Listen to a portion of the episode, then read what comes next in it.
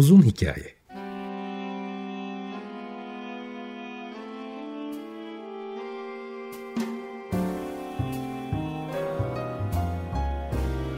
Sinir bilim, psikoloji, felsefe ve müzik.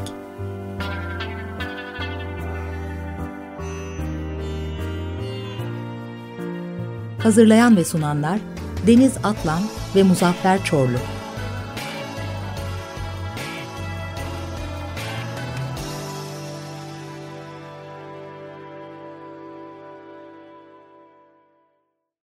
95.0 Açık Radyo'dan, Açık Radyo.com.tr ve onun uzun hikayesinden herkese selamlar.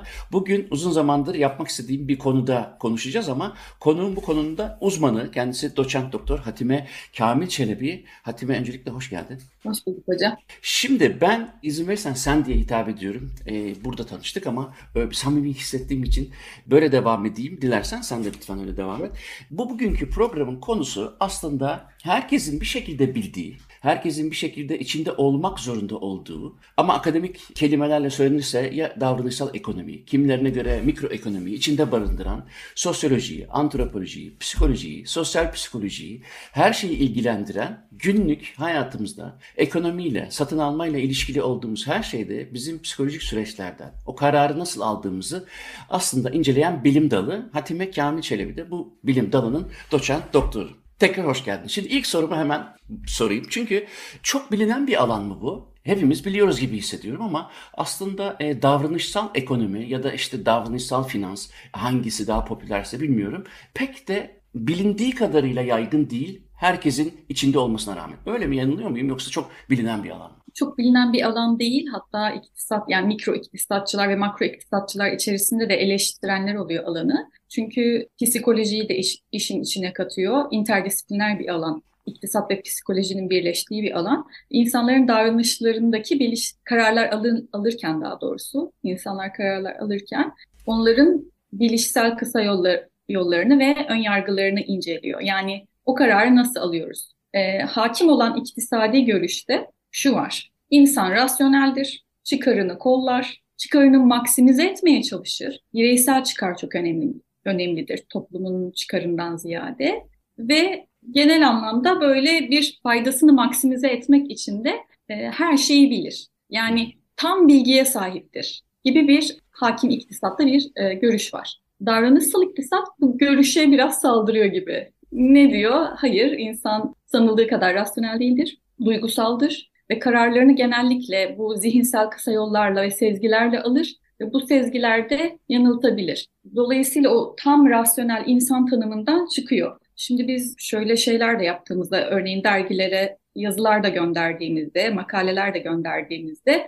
bu hakim iktisadi görüşe uygun değildir diye red de alabiliyoruz. O e, hala iktisat bilimin içinde de yer e, edinmeye çalışan bir alan. Ama bunun dışında şöyle çalışmalar da var.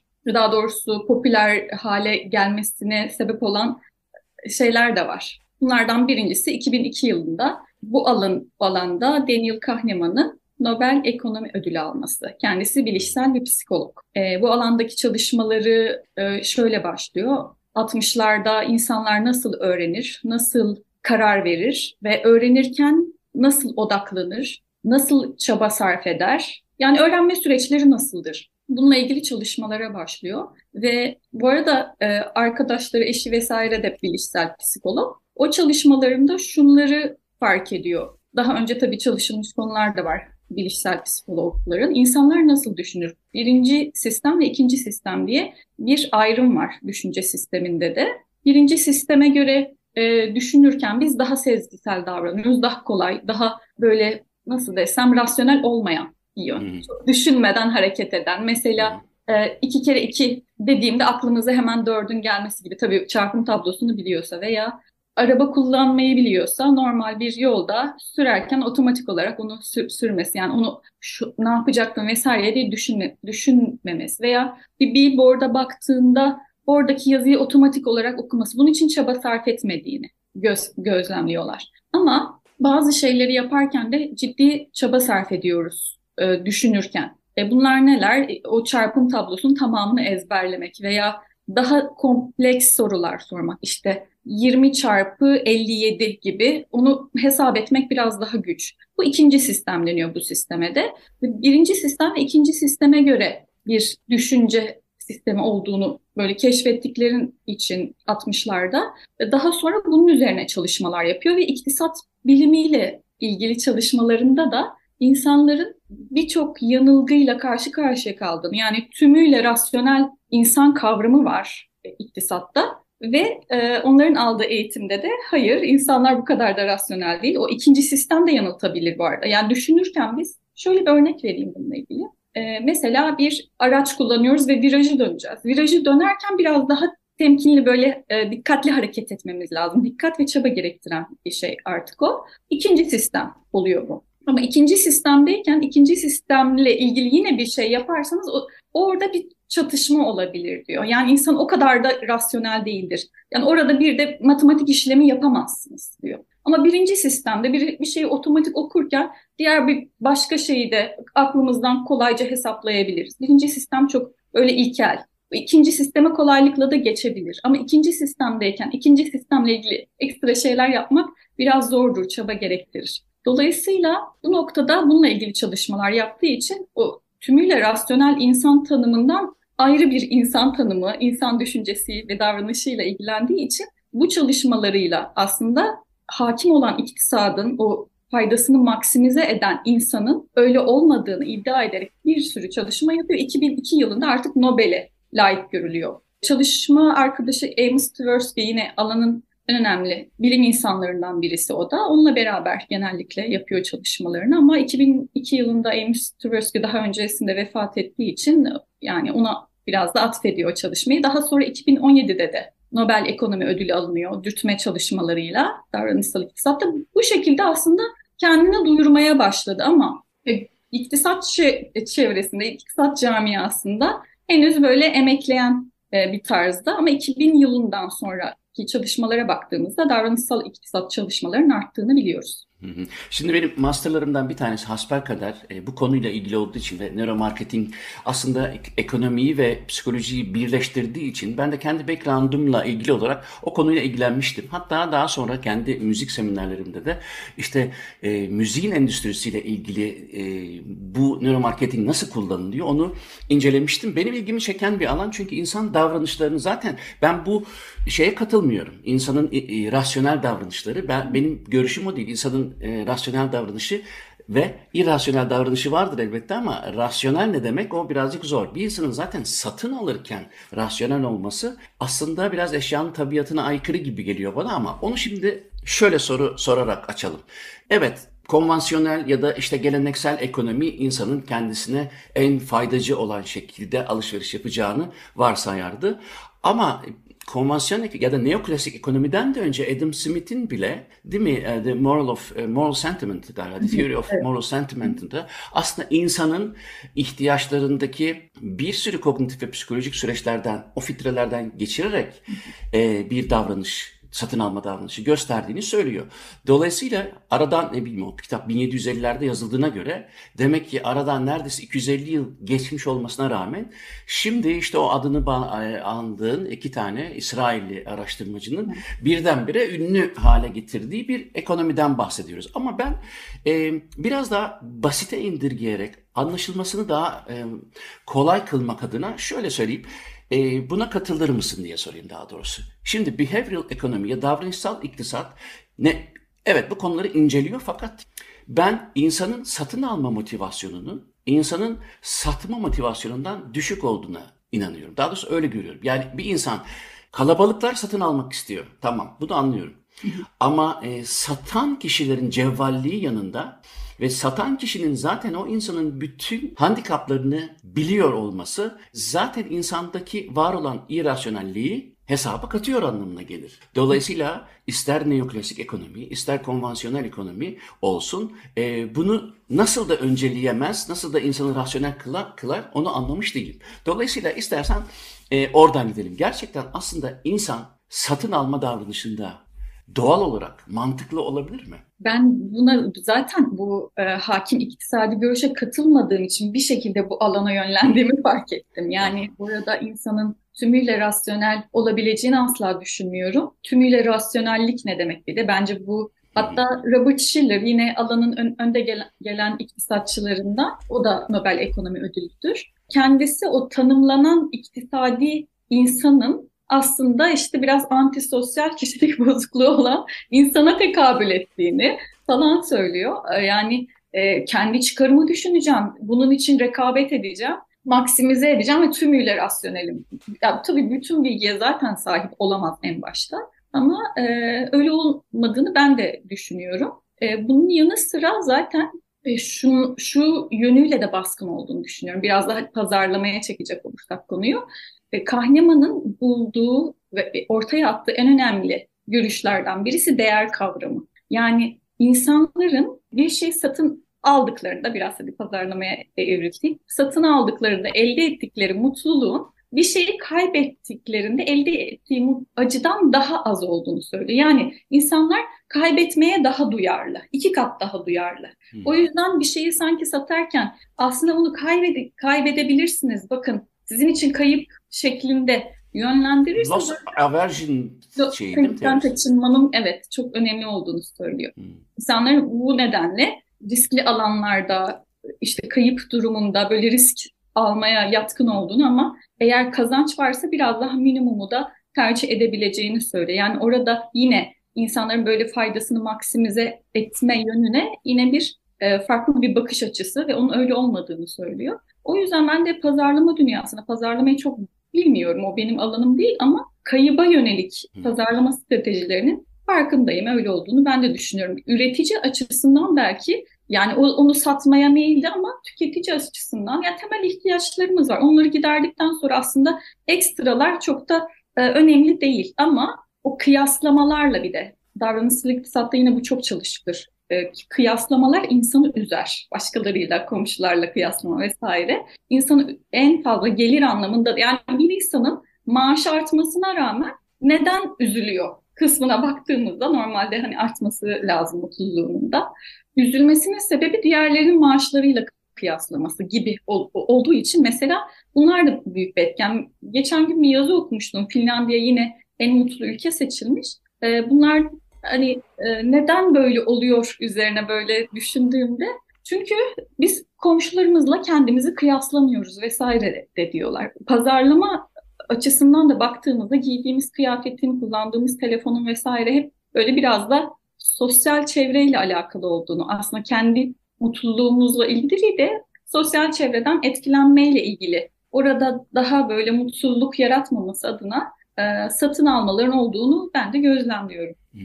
Şimdi o ne zaman çıktı bilmiyorum ama e, beklenen fayda ve deneyimlenen fayda kitabın e, muhtemelen bunlarla ilgilidir. Benim aklıma bu kitabın adı gelince benim aklıma şey geldi. Şimdi e, sen Hollanda'dan katılıyorsun.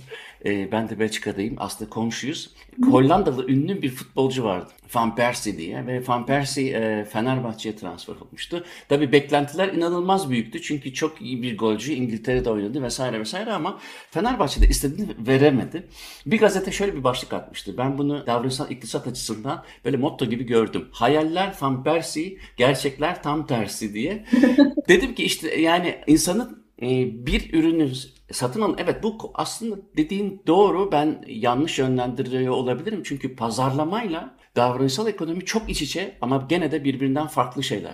Beklenen fayda ile bu e, deneyimlenen faydayı bir açıklayabilir misin? Ondan sonra da bir müzik arasına gidelim. Beklenen fayda bu rasyonel insanın biraz da şöyle söyleyeyim iktisadi insanın hesapladığı bir fayda. Yani çünkü o tüm bilgiye sahip ve gelecekte elde edeceği bir şeyden faydasını en iyi hesaplayabilir. Sanki tüm bilgiyi biliyor ve faydasını maksimize edebilecek şekilde hesaplayabilir gibi bir algı ile oluşturulmuş. İşte günümüzde de biraz daha böyle kararla ilgili. Yani ben bir karar verdiğimde kendim için en iyi en iyisini istiyorumdur gibi. Ama gelecekte o an geldiğinde o e, duygusunu sorduğumuzda diyelim ki ya da faydasını sorduğumuzda farklılaşabiliyor. Aynen söylediğiniz örnek gibi. Ben aslında psikolojiye de biraz yani çok iç içe olduğu için onunla da okuduğumda Bu birazcık nevrotik bir duruma da denk geliyor. Yani beklentiyle gerçekleşen arasında eğer büyük bir fark varsa. Ama e, genellikle gelecekle ilgili tahminlerimizde şu andaki kararımız gibi karar alacağımız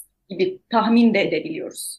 Dolayısıyla orada bir boşluk oluyor, bir açıklık oluyor. Yani gelecekteki ben yine aynı kararı almayabilir. Gelecekteki ben geçmişteki o kararı alan işte benle aynı duyguyu hissetmeyebilir. O çünkü gelecekte olacak. Ben bununla ilgili maaş artışı yani zamla ilgili bir e, araştırma yapmıştım. Orada gelecekte işte maaşınız artarsa mutluluğunuz artar mı? Enflasyon üzerinde bir zam aldığınızda diye sormuştum.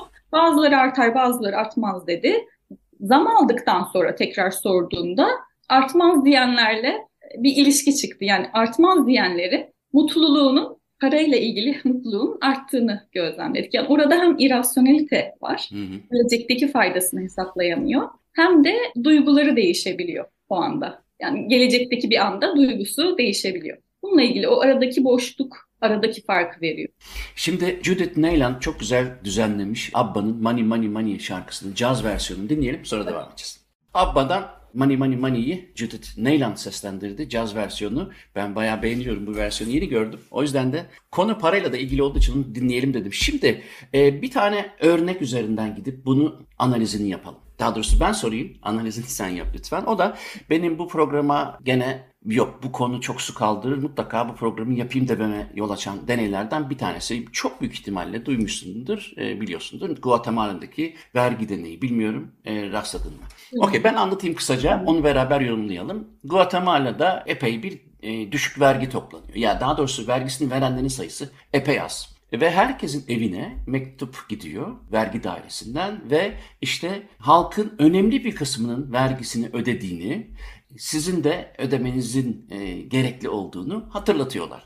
E, ve eğer ödediyseniz çünkü çoğu kişi ödedi diye e, ödediyseniz bu mektubu dikkate almayın ama ödemediyseniz işte az bir vaktiniz kaldı gibi bir provokatif mektup gidiyor ve aslında mektubun içeriği doğru değil. Yani e, herkes ödedi bir siz kaldığınız gibi bir gerçeklik yok ortada. Fakat bu göstermiş ki deney sonucunda e, o yıl bu mektuplarla birlikte vergi ödenen vergiler %43 artmış. Bunu nasıl yorumlarız? Şimdi size anlatınca hatırladım. Evet ben bu deneyi biliyordum. Genellikle bu davranışsal iktisatta böyle zihinsel muhasebeyle açıklanıyor. Yani ona önceden ben bir pay ayırmıyordum ama şimdi herkesin dediğini gördüğümde ona da bir pay ayırmam gerekiyor gibi. Ee, orada aslında bir yönüyle de dürtme uygulaması bu 2017'de Nobel alındığı dediğimde.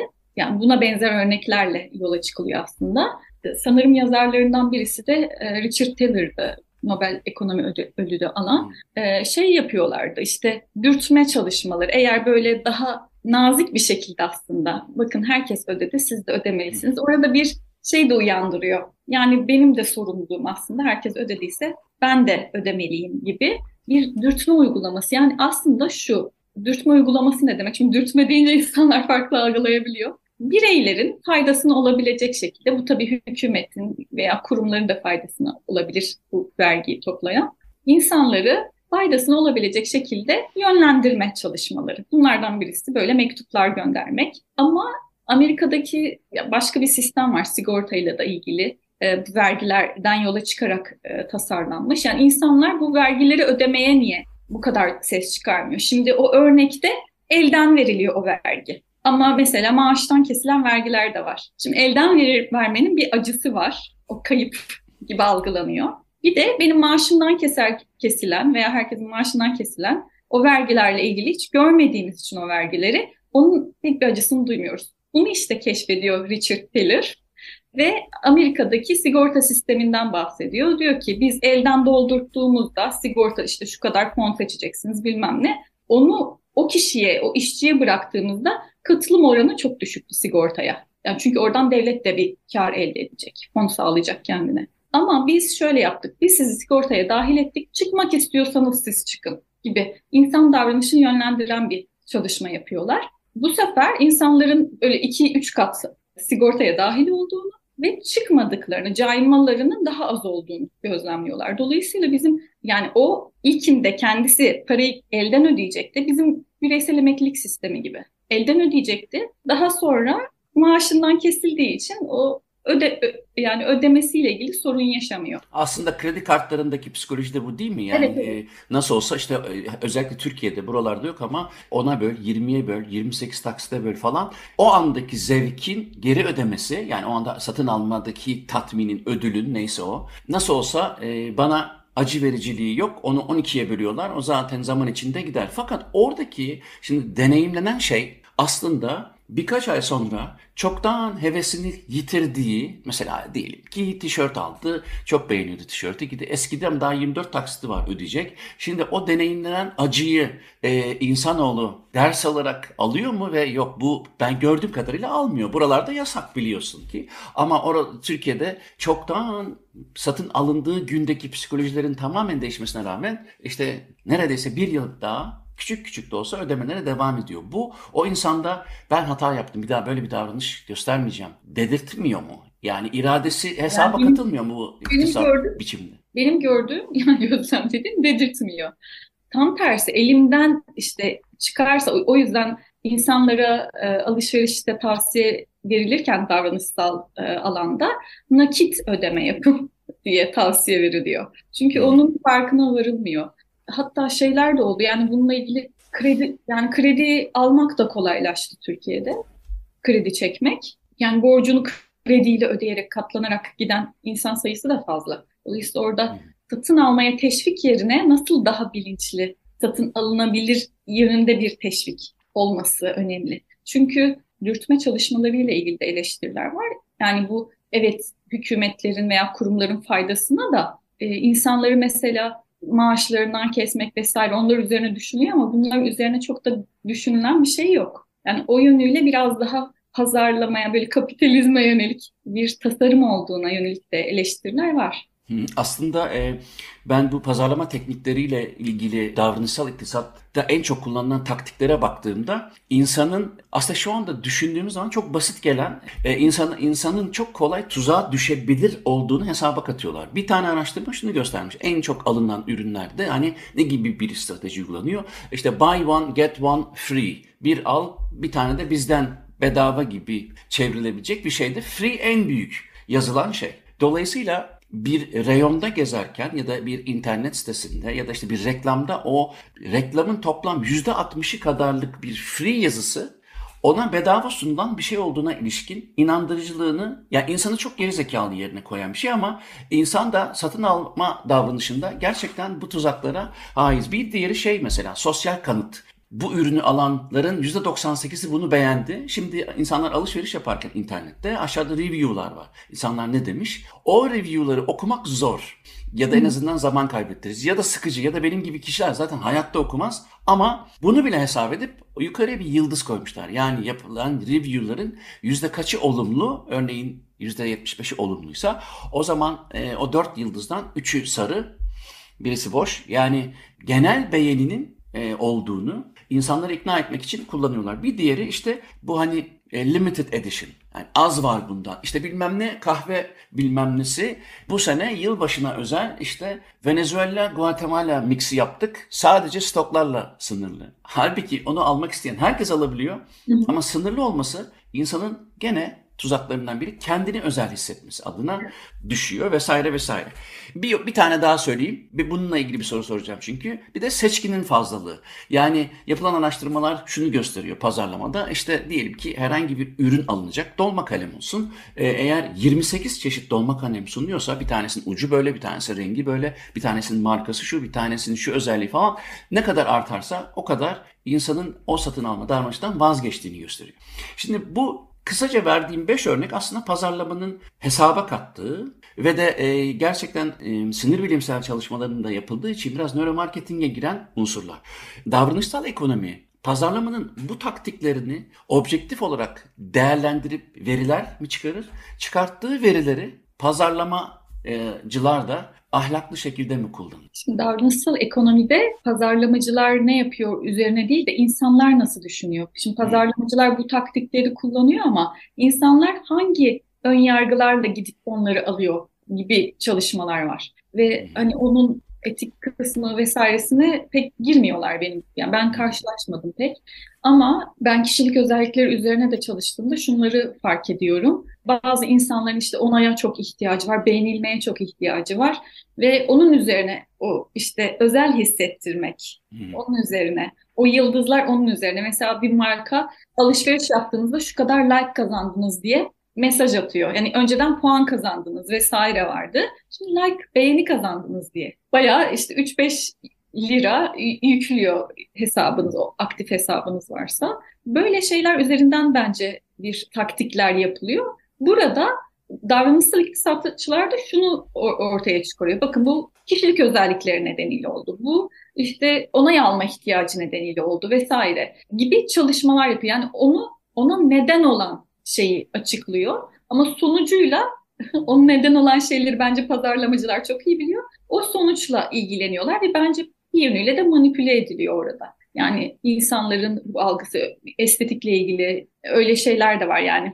Şimdi sağlıkla ilgili o sektöre çok değinmek istemem ama orada da şu güzellik algısı, orada da çünkü bir satın alma davranışına giriyor ama belli bir moda, belli bir yüz tipi çoğu insana böyle empoze ediliyor gibi. Bu moda e, bu yıl seneye farklı bir moda çıkacak diye. Orada bence yani davranışsal iktisatçıların ortaya çıkarması gereken şey e, buna neden olan şey ne? Yani o insanın neden onu satın alma davranışına girdiği. Ama işte pazarlamacılar da orada e, tabii ki kapitalist sistem bu moda ben bunu pazarlayacağım demeleri. Yani onun sonucuyla ilgilenmeleri, ona talep yaratmaları. Ama davranışsal iktisatın çalıştığı alan ona neden? İnsanlar buna neden e, meyillidir şeklinde. Ya bununla ilgili bir sürü kısa yol var, bilişsel işte ön yargılar vesaire var. Onları analiz ediyor davranışsal iktisat daha çok. Money for Nothing dinleyelim. Dire Straits'ten sonra devam edeceğiz. Dire Straits, Money for Nothing. Bugün konuğum iktisatçı Hatime Kamil Çelebi ile davranışsal iktisadı konuşuyoruz. Davranışsal iktisat ve davranışsal finans aynı şeyler mi bu arada?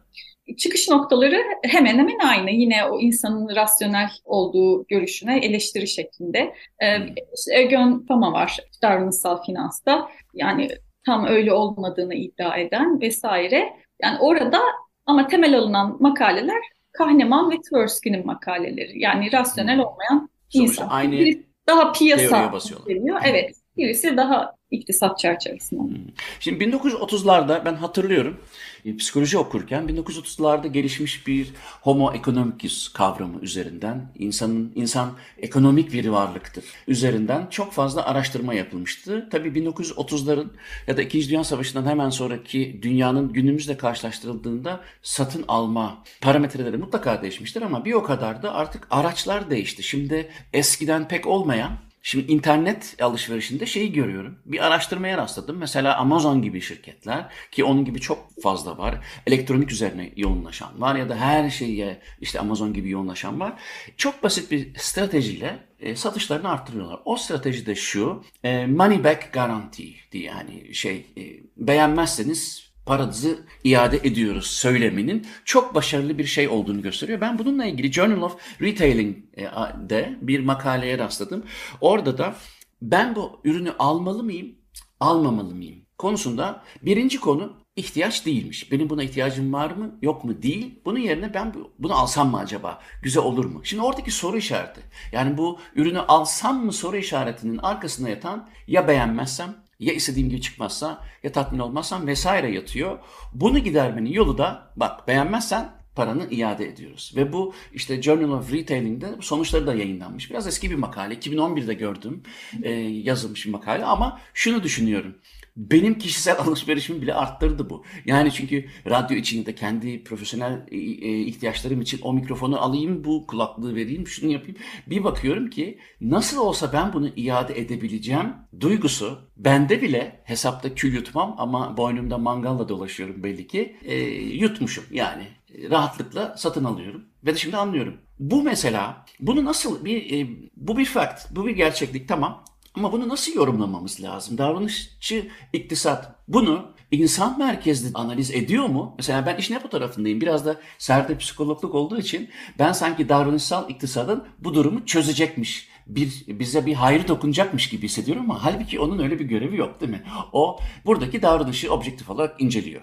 Hem sorum şu, hem gerçekten bu para iadesi konusunda yapılan başka çalışmalar var mı? Doğru mu? Bu arttırıyor mu? Veya bu e, money back garanti diye anlatılan e, paranızı iade ederiz konsepti davranışsal ekonominin ilgilendiği, incelediği bir e, durum. İncelenebilir bu arada. Ben hani bununla ilgili direkt bir makale okumadım ama incelene yani çok net incelenebilir bu. Neden insanlar eğer iade işte hakkı varsa parası iade edilecekse alır. Ama bu genelde kanunda da vardır. Bu son zamanlarda son hmm. evet söylediğiniz gibi belki 40'larda e, 50'lerde böyle bir imkan yoktu ama bu kadar araç da yoktu. Yani orada mülkiyet etkisi mi girer? Acaba ben bunu tamam elimde tutarım, aldım, satın alabilirim çok net. Ama beğenmezsem iade ederim. Belki mülkiyetin verdiği orada, satın almanın verdiği haz olabilir. Ama onun dışında şöyle şeyler okudum. Yani yanında kargo bedava denilince ya da 50 TL daha bir şey satın alırsanız, kitap alıyorsanız diyelim ki 50 lira bir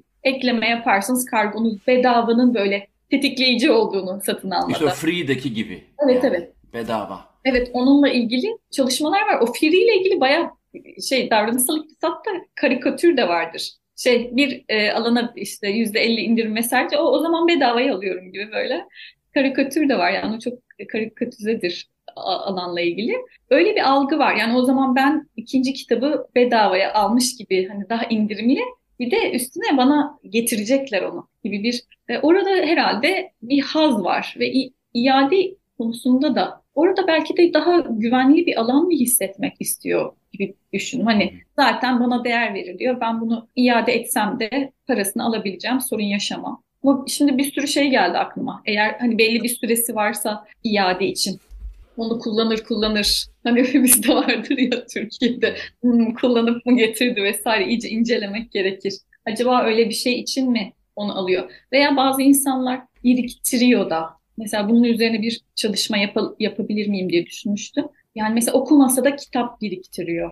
Giymese de eşya satın alıyor. O alabilmenin verdiği haz. Belki orada arka planda yatan, bu psikolojinin ilgilendiği alan herhalde. Böyle sevgiye duyulan ihtiyaç, ilgiye duyulan ihtiyaç onu bir eşyayla malla kapatmaya çalışıyor mu acaba diye böyle sorgulanması gereken bir şey diye düşünüyorum ama ben bununla direkt ilgili bir, e, bir şey yok. Yani yapılan araştırmalara ben baktım da o kadar çok piyasayı etkileyen faktörler var ki kullanılmayan milyonlarca ürün gene de insanlar tarafından satın alınıyor. Bazı e, tabii alışveriş bağımlılıklarında ki bu e, tanımlanmış bir sendrom diyelim çünkü sonuçta e, yanılmıyorsam DSM'de de var. O, o tür bağımlılıklarda yani bağımlılıklardan bir tanesi olarak alışveriş bağımlılıklarında insanın her gün mesela sanıyorum yüzde sekiz miydi yanlış olmasın ama e, yüzde sekiz insanlarda yaptıkları alışverişin yüzde sekizi tamamen o anki kesinlikle daha sonra ihtiyaç duymayacağı ürünlere yönelik. Şimdi bu %8 demek ekonomik için büyük bir rakam olmalı yani e, global ekonomi için. Fakat gene de önüne geçilemeyen bir şey fakat ben burada şunu suçluyorum. Şimdi iki tane şey var. E, bir davranışsal iktisatçı olarak nasıl bakarsın? Ben şimdi suçlamalarımı koyuyorum. Bir, evet insan e, şu ya da bu sebeple oraya hiç girmeyelim. Hangi evrimsel psikiyatrik e, bakış açısıyla yaklaşırız? Hangi zafiyetlerimizi ortaya koyarız? O başka bir programın konusu ama şu ya da bu şekilde biz ihtiyacımız olandan fazlasını tüketme eğilimindeyiz. Davranışsal iktisatta e, zaten bunu inceliyor. Ama bir o kadar da gene homo homini lupus insan insanın kurdudur. Bu tuzakları çok iyi gören pazarlamacılar da bu sayıyı arttırmaya çalışıyor. Yani ihtiyacımız olmayan ürünlerde eğer %8 isek e, kötü kalpli pazarlamacılar da bunu %80'e çıkartmak istiyor ve gerçekten hani çöp ev gibi değil ama ben geçenlerde burada belki Hollanda'da da vardır. E, belediyeden izin alıp garajı açıyorsunuz ve hiç kullanmadığınız şeyleri oraya koyuyorsunuz ve bir günlüğüne istediğiniz fiyatları koyup satıyorsunuz ve burada haftada bir bir yerlerde görüyorum. Artık ne spor aletleri alınmış işte ne e, eldivenler işte çünkü yani buy one get one free'den ötürü falan filan. Şimdi buradaki suçlamalarımdan bir tanesi şu. İnsanın böyle zafiyetleri olduğunu bir iktisatçı, davranışsal iktisatçı gördüğüne göre çünkü çalıştığı bilim e, alanı o. İnsanı uyarmak gibi ya da bu konuda insanın madem irrasyonel davranışları da var onu daha rasyonel alana çekmek gibi bir nosyonu var mı ya da olmalı mı? İktisatçı bazında yani o çok kişisel bir şey olur ama dürtme çalışmaları bence zaten buna hizmet etmeliydi. Dediğim gibi biraz önce bu kapitalist yönüyle eleştirildi. Yani siz tamam ileride emekli maaşını belki biraz fazla alacak ama yine de orada devletin de işte hükümetlerin de bir çıkarı vardı vesaire gibi. O noktada biriktirme konusunda, alışveriş bağımlılık konusunda şunları da ben mesela pandemi sırasında okudum da fark ettim de insanlar belirsizliği azaltmak için de stok yapıyorlar. Yani bunu biraz işte obsesif kompulsif bozukluk hmm. yaşayanlar da gözlemlenmiş. Çok fazla. Onlar pandemi dışında da evlerine daha fazla şey alabiliyormuş ama o tabii tetikleyici oldu. Peki burada hükümetler vesaire destek oldu mu bu kişilere? Yardım sağladı mı? Sağlamadı. Benim araştırmam var bununla ilgili. Yani orada Türkiye'de böyle bir yani sizde böyle bir şey gözlemledik. Ee, sizin bu davranışınızı bakın siz güven içerisindesiniz, güven ortamındasınız. Belirsiz bir durum yok. Bir şey olmadı yani. Tam tersi işte sayılar falan böyle gece yarısı açıklandı. Böyle insanlar korktular vesaire. O belirsizlik veya işte sokağa çıkma yasağı son anda açıklandı. Böyle e, tetikleyici şeyler olabilir insanlarda. Çok normal ama sadece şöyle şeyler yapıldı. O da gönüllü psikologlar tarafından terapiler, sağlık çalışanlarına. E, bunun dışında toplum bakımından ben böyle bir şey yapıldığını görmedim, gözlemlemedim. Keşke yapılsa diye böyle bir makalede yazdım. Bu benim gözlemlediğim bir şeydi çünkü. Ama orada gerçekten böyle rahatsızlık yaşayan insanlara neler yapılabilir konusunda e, bir çalışma yapılmadı. Kişilik özellikleri üzerinden bir makale yazmıştım. Geçen yıl yayınlandı. Bu pandemi sırasında ne yaptı e, belli kişilik özelliğine sahip insanlar? Mesela duygusal dengeliliği daha az olan insanlar en mutsuz kesim. Ee, dışa dönük e, insanlar böyle dış, dışarıya çıkıp çalışamadığı için mutsuz vesaire. Bunlara yönelik mesela çalışmalar var ama e, o belirsizlik ortamında ne yapılması gerekiyor? Yani hani alışveriş bağımlılığı bir şekilde pazarlamacılar vesaire onu yaptığını yıllardır biliyoruz ama böyle zorlu koşullarda bize böyle güven arıyor ya insan belirsizlik ortamında ve güven duyacak bir yer e, Sağlık Bakanı'nın ağzının içine bakıl bakılıyordu bir ara ilk başlarda. O ortam tam sağlanamadı ve dolayısıyla insanların o yani hükümetler dahi indiremediler o şeyi, kaygılarını aşağıya indiremediler. Bağımlılık bakımından da bence e, kesinlikle bu biraz daha şeye giriyor, böyle psikiyatri alanına giriyor. Psikolojiden ziyade siz daha iyi bilirsiniz ama Orada bir ilaç tedavisi vesairesi de olması gerekiyor. O noktada bence yine dürtme çalışmalarıyla Sağlık Bakanlığı da yapabilir. İlla ki iktisatla ilgili olmak zorunda değil. Sağlık Bakanlığı da devreye girip öyle bir çalışma yapabilir. Belki de yapıyordur bilmiyorum ama pazarlama bakımından yaptıklarını ben bilmiyorum. Görmedim, şahit olmadım. Hı hı. Zannetmiyorum da ama e, orada pazarlamacıların çok da ya pazarlamacılar bir yönüyle de işini yapıyor ama Orada biraz da e, sırf pazarlamacıları atmamak lazım diye düşündüm. Yani hmm. o bağımlı olan kişinin hiç mi sorumluluğu yok kendiyle ilgili? Hırsızın hiç mi, suçu yoktur? Evet evet yani yani kendisini biliyordur herhalde ve onu da bir şekilde devletten işte talep edebilir tedavisini diye de düşünüyorum. Hı hı. İstersen son olarak e, Simon Garfunkel Boxer dinleyelim. Sonra son bölümde kişisel bir sorum sorulacak. Simon Garfunkel Boxer dinledik. Şimdi önce teşekkür ederim hakikaten. E, en azından Açık Radyo dinleyicileri için de bilmeyenler, duymayanlar için önemli bir alan e, davranışsal ekonomi. Çünkü biz hakikaten homo ekonomikusuz. Yani ekonomiyle işimiz hatta çok daha derinleşti. Onu sen nereye gidecek bu satın alma şeyi anlatırsın ama önce e, sen şimdi Rotterdam'dasın bir Türk akademisyen olarak neler yapıyorsun? Kısaca hani ne işle meşgulsün orada, niye oradasın onu anlat. Ondan sonra da e, ekonominin geleceği, davranışsal iktisatçı gözüyle insan ve ekonomi ilişkisi nereye evrilir onu dinlemek isterim. Tamam. Şu anda Rotterdam'da aslında benim buradaki danışmanımı ziyaret için geldim. Aslında Hirlin'de Open Üniversitesi'ndeyim. E, postdoc yapıyorum burada. Postdoc konudan biraz bahsedeyim ama çok detaya girmeyeyim. TÜBİTAK'la destekleniyor postdoc çalışma. İnsanların biraz önce anlattığımız konuya benzer bir konu.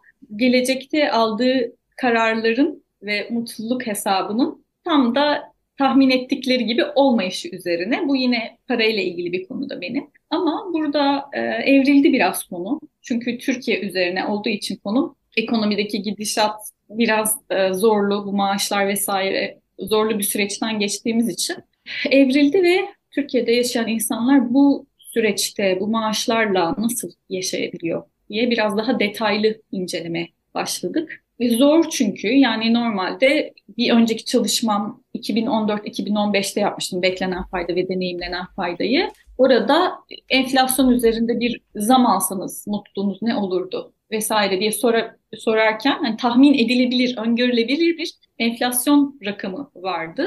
Ee, yüzde dokuzlarda, yüzde sekizlerdeydi. Ee, şu anda gerçekten çok yüksek enflasyon. Çok yüksek enflasyon ortamında insanlar ne yapabilir? Nasıl hissediyorlar? Onun üzerine çalışma yapıyorum. Ve biraz şey depresif bir konu bence bu. Ama bir yönüyle de evet o sorumluluğu kendi üzerimde hissediyorum. Böyle bir çalışmanın olması lazım. Ve nasıl dayanıyorlar? O psikolojik kaynakları ne? Onun üzerine bir çalışması, çalışmanın olması lazım diye düşünüyorum. Davranışsal iktisadın ileride gelişeceğini düşünüyorum. Zaten hani dünya çapında bir şekilde gelişiyor ama Türkiye'de bu biraz daha böyle hafif kalan bir alanmış gibi düşünülüyor. Yine hem homo economicus'uz dediniz ama şöyle düşünüyorum ben. Tam öyle değiliz. Çünkü orada bir tam bilgiye sahip bir insan var. Biz o kadar da tam bilgiye sahip değiliz. Önümüzde maaşımız ne olacak? Ee, ne kadar zam yapılacak? Veya enflasyon ne olacak? Yani beklenen enflasyon yüzde beş diye açıklanar, açıklanırken bunun kat be kat üstünde bir enflasyonla karşılaşan insanların çok da iyi tahminler yapabileceğini düşünmüyorum. Ama yine de adapte olunuyor. Ya zorluklara da adapte olunuyor. İlk baştaki o fiyat artışlarındaki insanların tepkilerinin bir yönüyle azaldığını fark ediyorum. Yani e, bununla da ilgili bence daha duyarlı insanların çalışmalar yapması gerekiyor. Çünkü Türkiye'nin mutluluğu da azalıyor. Son 10 yıla baktığımızda 5,5'lardan 4,5'lara düştü ve Afrika ülkeleriyle kıyaslanacak şekle dönüştü. E, burada hükümetlerin de yani genel anlamda bu mutluluğu azalan ülkeler içinde söylüyorum. İnsanların mutluluğunu artıracak e, şeylere yönlendirmesi gerektiğini, psikolojik destek sağlamaları gerektiğini düşünüyorum. Peki bu şekilde de bitirelim o zaman. Bu iyi, iyi niyetli e, duygularla bitmiş olsun. Bugünkü konuğum Hatime Kamil Çelebi'ydi. İktisat, e, davranışsal iktisat alanında çalışıyor ve bizi bilgilendirdi. Çok da şeyler öğrendim. Çok katıldığın için çok teşekkür ederim. Hadi. Ben teşekkür ederim davetiniz için. Çok sağ olun. Ben de radyo adına teşekkür ederim. Şimdi bana ulaşmak için biliyorsunuz Muzaffer Coli Gmail adresine yazabilirsiniz ya da Deniz Atlam Gmail adresine. Açık Radyo bu programın tekrarını Spotify'a koyacak birazdan. Ben de daha sonra YouTube kanalıma görüntülü olarak koyacağım. Haftaya görüşürüz. Hepinize günaydın.